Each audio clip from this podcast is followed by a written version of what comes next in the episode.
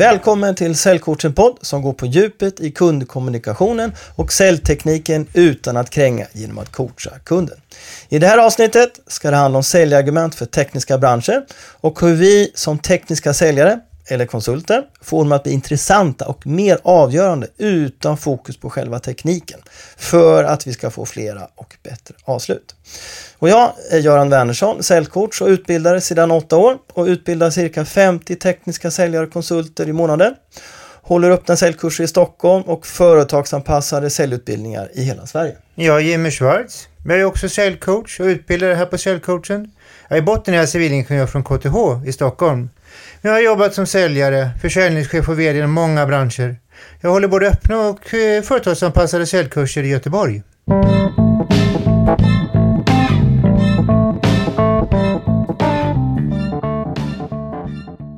Och nu ska vi gå igenom ett antal problem som uppstår med säljargument och några konkreta case från just tekniska branscher. Men generellt sett kan vi säga att det är tre problem med, med säljargument. För det första att de blir för svåra för kunderna att komma ihåg. De blir för ointressanta och de blir för tekniska. Jag först tänkte prata om ett generellt case. Jag som kan alla typer av försäljning och kanske säljargument också. Men som är lite tekniska i sin karaktär. Vi tittar på bilar. Jag tänker att du har tre bilar. Vi har en Volvo, en BMW och en Saab. Och det här caset det handlar alltså om säljargument som är svåra att komma ihåg. Och när vi frågar på våra säljkurser om en Volvo, vilket som är främsta säljargument, ja då svarar de flesta säkerhet, trygghet, några kanske säger att det är svenskt, men det är framförallt säkerheten som blir det viktigaste. Och visst är ju ganska Volvo fantastiska i Göteborg på att positionera sig som en säker bil. Alla andra bilar är också säkra. BMW, Mercedes, Range Rover. Men Volvo har lyckats muta in det här worldwide på att de är säkra. Om man tänker på ett litet roligt exempel så är det ju faktiskt taxibolaget Uber som har valt Volvo som sin bil för att bli självsäkra, självkörande bilar. Och där behöver det verkligen säkerhet. Ja, men det är lite häftigt eh, att Volvo har lyckats hitta ett sånt säljargument som är så tungt. Och alla bara spontant tänker säkerhet och trygghet. Och lite samma sak är det som med BMW när vi frågar eh, deltagare på våra kurser. Vad tänker ni spontant på eh, när man säger BMW? Och, och, och, då tänker man på, på säkerhet, eller nej, inte säkerhet utan de tänker på kvalitet. Kvalitet och körglädje. Och körglädje säger man när man har kört Eh, BMW för de har gjort en kampanj för under en ganska lång period. Så det är, ganska, det är otroligt tydligt att man säger kvalitet och körglädje faktiskt. Då. Och sen så har vi då eh, Saab som då tyvärr inte finns längre och i dagsläget är det väl cirka fem år sedan de gick i konken. Eh, men den tid då det begav sig eh, så, så frågar vi varför de som körde Saab då, varför gjorde de det? Ja, och den frågan brukar jag ju ställa på kursen också till alla som ska svara. Vad har Saab för säljargument? Varför ska du köpa en Saab? Och då tänker en del, ja det är snyggt. Ja, vi har ju vad heter det, svenskt. Flyget tänker en del på. Turbo tänker en del. Och har jag 30 elever så skulle jag lika bra kunna få 30 likadana svar eller olika svar. Alla tänker på olika saker. Och kanske är det just därför som Saab kanske inte har gått så bra förr, att de inte finns kvar. Ja men så kan det ju vara, för, för det som är lite speciellt då med Saab, och jag måste ju bara tillägga också, vi ställer också frågan, vad tror ni varför man köpte Saab då? Så att, så att även de som inte har kört en Saab på våra kurser och säljutbildningar får sitta och gissa och, och fundera på vad var det som gjorde att de som ändå köpte Saab gjorde det. Men det som är intressant är att vi får ju i stort sett, Jimmy, vi får 50 olika svar om vi har 50 deltagare på en månad. Ja, och eh, när det gäller säljargument och produkter så vill man ju inte vara en Saab alltså. Du vill ha produkter, säljargument äh, som sticker ut. Ja, så eh, som Jimmy sa här i början, det här, handlar alltså, det här avsnittet handlar att, om säljargument som är svåra att komma ihåg. Och det var ju ingen som kom ihåg Saab. Och eh, så går vi vidare eh, till del nummer två, ointressanta säljargument. Och, och, och, det är väldigt lätt hänt att inom tekniska eh, branscher och industrin att de kan lätt bli ointressanta. Ja, och det finns ju många branscher på tekniken. Vi har ju tekniska konsulter, vi säljer tekniska produkter och komponenter, elektronik, automation, maskiner och verktyg. Och många har bara specifikationer. Och eh, för att bli väldigt konkreta då på våra kurser så brukar de få ta fram sina säljargument. De får tio minuter på sig att lista säljargument. Och då blir det ju väldigt ofta de här argumenten. Och vi har ju stor teknisk kompetens i vårt bolag. Och sen har vi ju lång erfarenhet.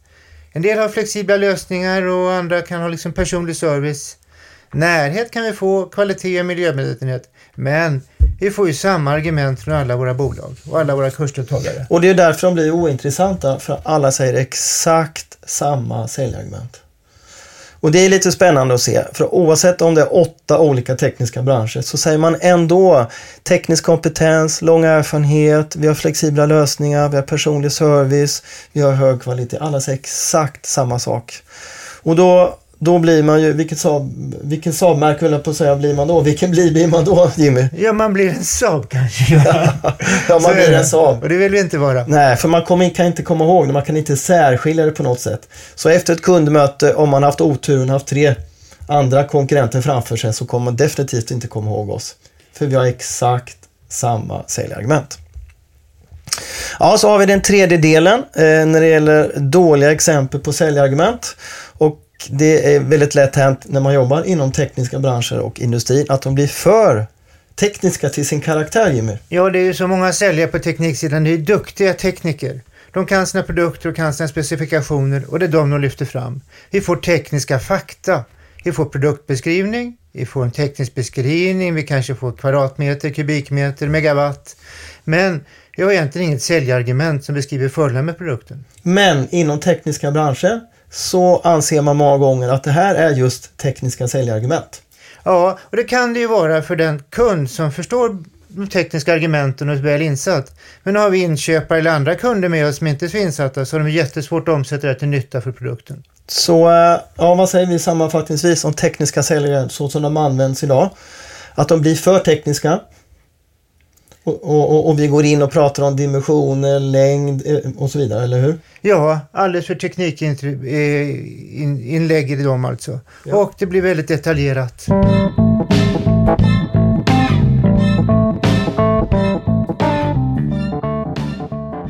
Vad blir det då för konsekvenser av för tekniska säljargument, Jimmy?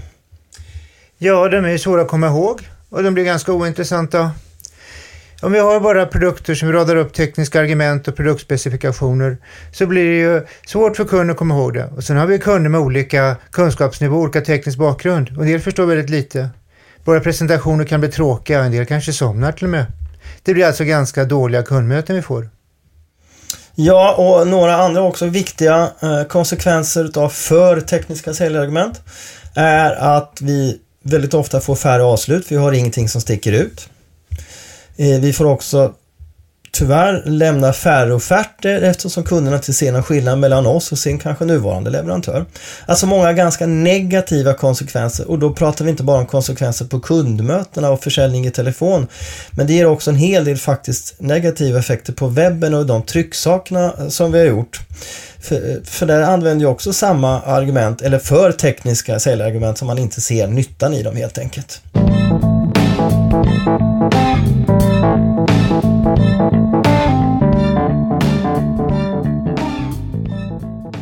Presentation av säljcoachens säljteknik när det gäller säljargument.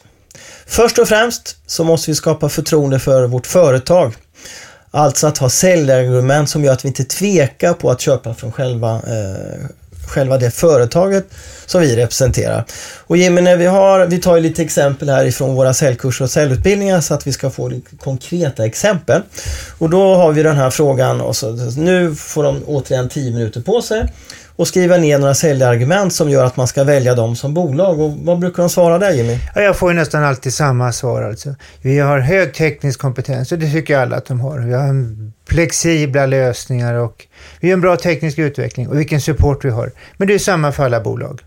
Ja, och, och, och, och, som ni märker, de här argumenten som vi har pratat om tidigare, så är ju de bara egentligen tekniska till sin karaktär även de.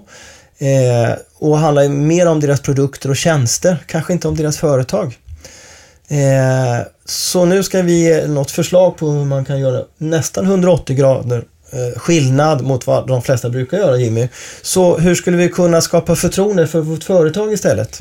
Vi har ju en del saker som historia om bolaget, också kundreferenser som man känner igen sig i. Men om vi bara stannar lite där. Historia, är det bra med en kort eller lång historia? Det kan vara både och, men oftast är det bra med en lång historia. Har jag varit med länge så har jag varit med på teknikutvecklingen och jag kan mina saker. Ja, så har man eh, funnits sedan 1937 så kan det vara bra att nämna det. I vissa branscher så är det kanske 1900 eller 2010 bra, beroende lite på vad det är. Men historia är oftast bra och oftast bättre ju längre historia man har. Mm. Ja.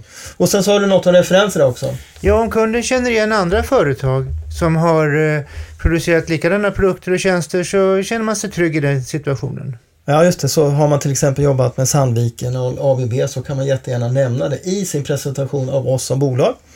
Och sen har vi storleken då, hur kan vi jobba med den? Ja, om vi säger att vi är 110 anställda, 110 konsulter, så är det en ganska bra massa. Då har vi många som vi kan fördela jobbet på. Och det är trygghet för kunden. Eller om vi är konsulter och man är mellan 5 och 10 och så vidare då. Så, så, så storleken eh, många gånger är bra. Eh, om för att man ska känna sig trygg som kund. Och oftast är det så att företag som är stora sig vill ha ett, en stor leverantör och mindre bolag vill kanske också ha en, en mindre leverantör. Så det är inte helt säkert på att det ska vara ett stort bolag. Eh, antalet kunder, hur skulle vi kunna använda det för att beskriva oss och skapa förtroende för oss som, som företag? Ja, om jag har 5000 kunder eller 3000 kunder eller, så kan jag ju berätta om dem och det är olika kunder i olika områden. Och då ger det trygghet för kunden att vi har gjort många bra saker tidigare. Ja, oj, de har 3000 kunder eller 100 kunder om det är mycket för branschen. Det är också viktigt. Och sen slutligen geografi. Hur skulle vi kunna använda det för att skapa förtroende för oss? Som geografin kan ju vara en närhet. Även om vi inte är jättemånga så kanske vi är nära kunden. Vi är snabbt på plats och vi ger bra service. Mm, eller att vi finns på 17 olika ställen. Så då skulle det till exempel kunna låta så här om vi är ett tekniskt bolag. Vi startar vår verksamhet 1987. Jobbar bland annat med Sandviken och ABB. Cirka 110 anställda ingenjörer och genom åren så har vi haft 5000 kunder via våra lokalavdelningar runt om i Sverige.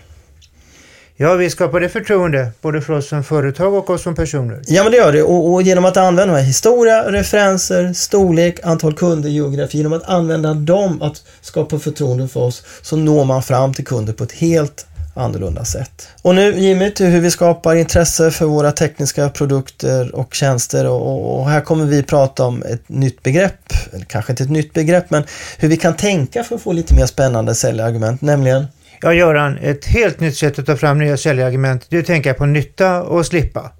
Nyttan exempelvis, ja, vi har alltså spara energi, 20% eller vi sparar tid, det här går 5% fortare i produktionen, då har vi nytta av produkten. mm. och det här med slippa.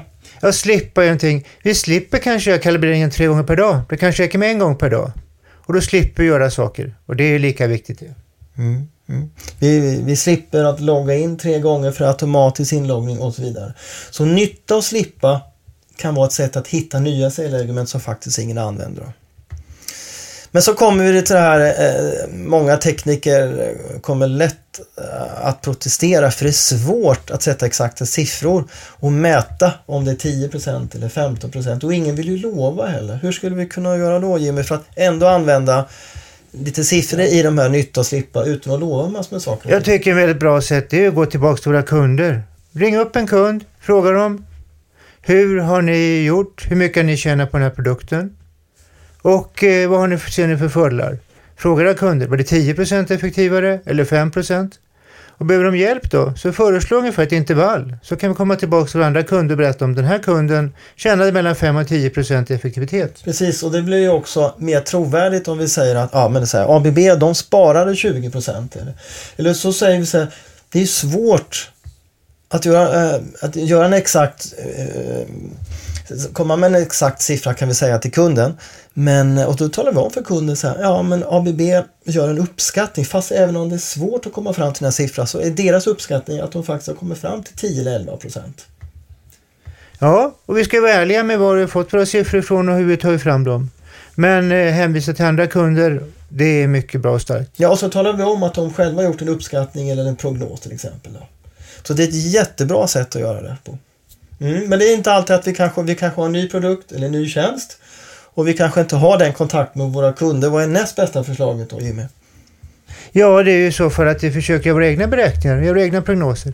Då talar de för kunden att i våra tester eller våra uppskattningar så har vi gjort en effektivitetsökning på 12 procent. Mm, Precis, det är vår målsättning, vår prognos att, att, att, att, att nå dit. Och, och vara ganska tydliga med att, att ni inte säger att ni kommer spara exakt 12 procent så länge vi inte vet det. Så det här är ett sätt att se på tekniska säljargument, att nytta och slippa. Och då kan man faktiskt komma på lite nya och eh, nya sätt att tänka. Men om vi går tillbaka till de här eh, säljargumenten som vi har pratat om ett tag här med stor teknisk kompetens och lång erfarenhet, flexibla lösningar och så vidare. Det är ju det som alla säger. Men vi, vår metodik här är ju att vi, ska, vi kan ändå använda samma säljargument som alla andra gör. Men! Vi vill ju att de ska sticka ut. Och då sätter vi siffror på dem. Vi kvantifierar dem. Stor kompetens, Göran? Ja, precis. Stor eh, teknisk kompetens som alla tekniska bolag har. Då kan vi säga att vi har tio ingenjörer. Eller att vi varje år plockar fram fem nya tekniska eh, designade maskiner, mm, komponenter och så vidare. Va? Där vi konkret visar hur, hur, hur, hur kan vi med hjälp av siffran visa att vi har stor teknisk kompetens och inte bara säga att vi har stor teknisk kompetens. Sen gör det många har ju flexibla lösningar. Det är alltid kul att ha. Då kan vi kvantifiera dem. Vi har ju kanske 20 standardprodukter, men vi har gjort 200 stycken kundanpassade lösningar till, precis för, din, för våra kunder. Jo, men det är också ett bra sätt att, att visa. Ja, vi har 200 kundanpassningar varje år och det låter ju också lite mera intressant och mer trovärdigt att vi faktiskt gör så pass många. Och, och många i det här fallet, det kan vara 10 också beroende på vilken bransch det är. Då. Lång erfarenhet Jimmy, hur kan man jobba ja, med Ja, jag har lång erfarenhet ska jag säga Göran. Men mm. man kan ju sätta upp till siffror. Jag har 30 års erfarenhet som säljutvecklare. Mm. Eller vi har eh, sammanlagt i bolaget 3000 års erfarenhet med alla människor som finns där. Eller så har företaget då, vilket är kanske det viktigaste, har funnits i branschen i 20 år till exempel. Va? Så det är också en viktig sak. Eh, så. Och sen har vi det här med kvalitet som en typisk klichéaktigt kan ju det bli. Man säger vi har hög kvalitet. Det säger ju alla oavsett bransch, även om det inte är tekniska branscher. Så hur kan ja. man jobba med det? Kvalitet brukar ju sällan kvantifieras, men reklamationsmängden är lätt att kvantifiera. Vår forskningsavdelning med tio personer och där har vi ju väldigt många som bara jobbar med kvalitetsförbättringar. Vi kan ju lämna garantier och vi har många garantier. Precis, och vi kan tala om att vi har fem garantier och genomsnitt är de på tre år. Och vi har få reklamationer, vi har typ 0,1 i reklamationer. Vad kan man ha mer här som, liksom, som, som kvantifierar och gör konkret att vi har bra kvalitet? Kan du komma på något så här Jimmy? Ja, tidsbesparingar i procent exempelvis. Alltså vi har ju bort, eh, i produktionen så har vi då också kvalitetsbortfall, men vi minskar den med 3 procent. Kassationsgraden minskar. Ja. Och eh, Många brukar också säga att vi har ett väldigt brett sortiment. Det är en ganska enkel sak att sätta en siffra på. Ja, jag har ju kanske 20 produkter eller så har jag 5000 produkter. Mm. Det är ju en siffra rakt upp och ner. Så vilket låter mest mm, trovärdigt och intressant? Att vi har 5000 produkter eller vi har ett stort utbud? Stort utbud blir ju inte definierat, men 5000 produkter är ganska många. Ja, så genom att använda alltså exakt samma säljargument som alla andra har och genom att sätta en siffra framför eller bakom så kommer vi otroligt långt. Och även här eh, blir vi inte ens av om vi gör på detta sättet. Så det är lite spännande och eh, det kan ta en halv dag, en dag och sitta och jobba med de här sakerna. Så det är kanske ingen sak som man bara kastar fram spontant på ett kundmöte. Man måste verkligen fundera på vilka är våra fem, sex största säljargument och sedan försöka sätta siffror på dem och inte vara så otroligt vetenskapliga utan kanske utgå ifrån kundernas prognoser och, och, och uppskattningar helt enkelt. Mm. Så, så återigen, nytta och slippa och försöka sätta siffror på säljargumenten så kommer de definitivt att sticka ut.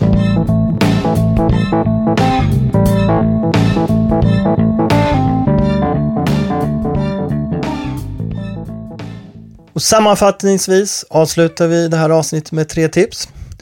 Och eh, då handlar det alltså då om säljargument som skapar både förtroende och intresse. Och det får man framförallt genom att ta fram det vi har pratat om, nytta och slippa. Vi försöker sedan sätta siffror på de säljargument som alla andra har, för då blir de unika och sticker ut. Och så behöver vi inte vara så otroligt vetenskapliga och tekniska i vår noggrannhet när vi ska leverera de här siffrorna i både nytta och slippa, utan vi kan faktiskt fråga kunderna och göra dem en uppskattning och beräkning så kommer vi otroligt långt. Så det var allt för idag, så tack för oss. Tack ska ni ha och lycka till. Hej hej.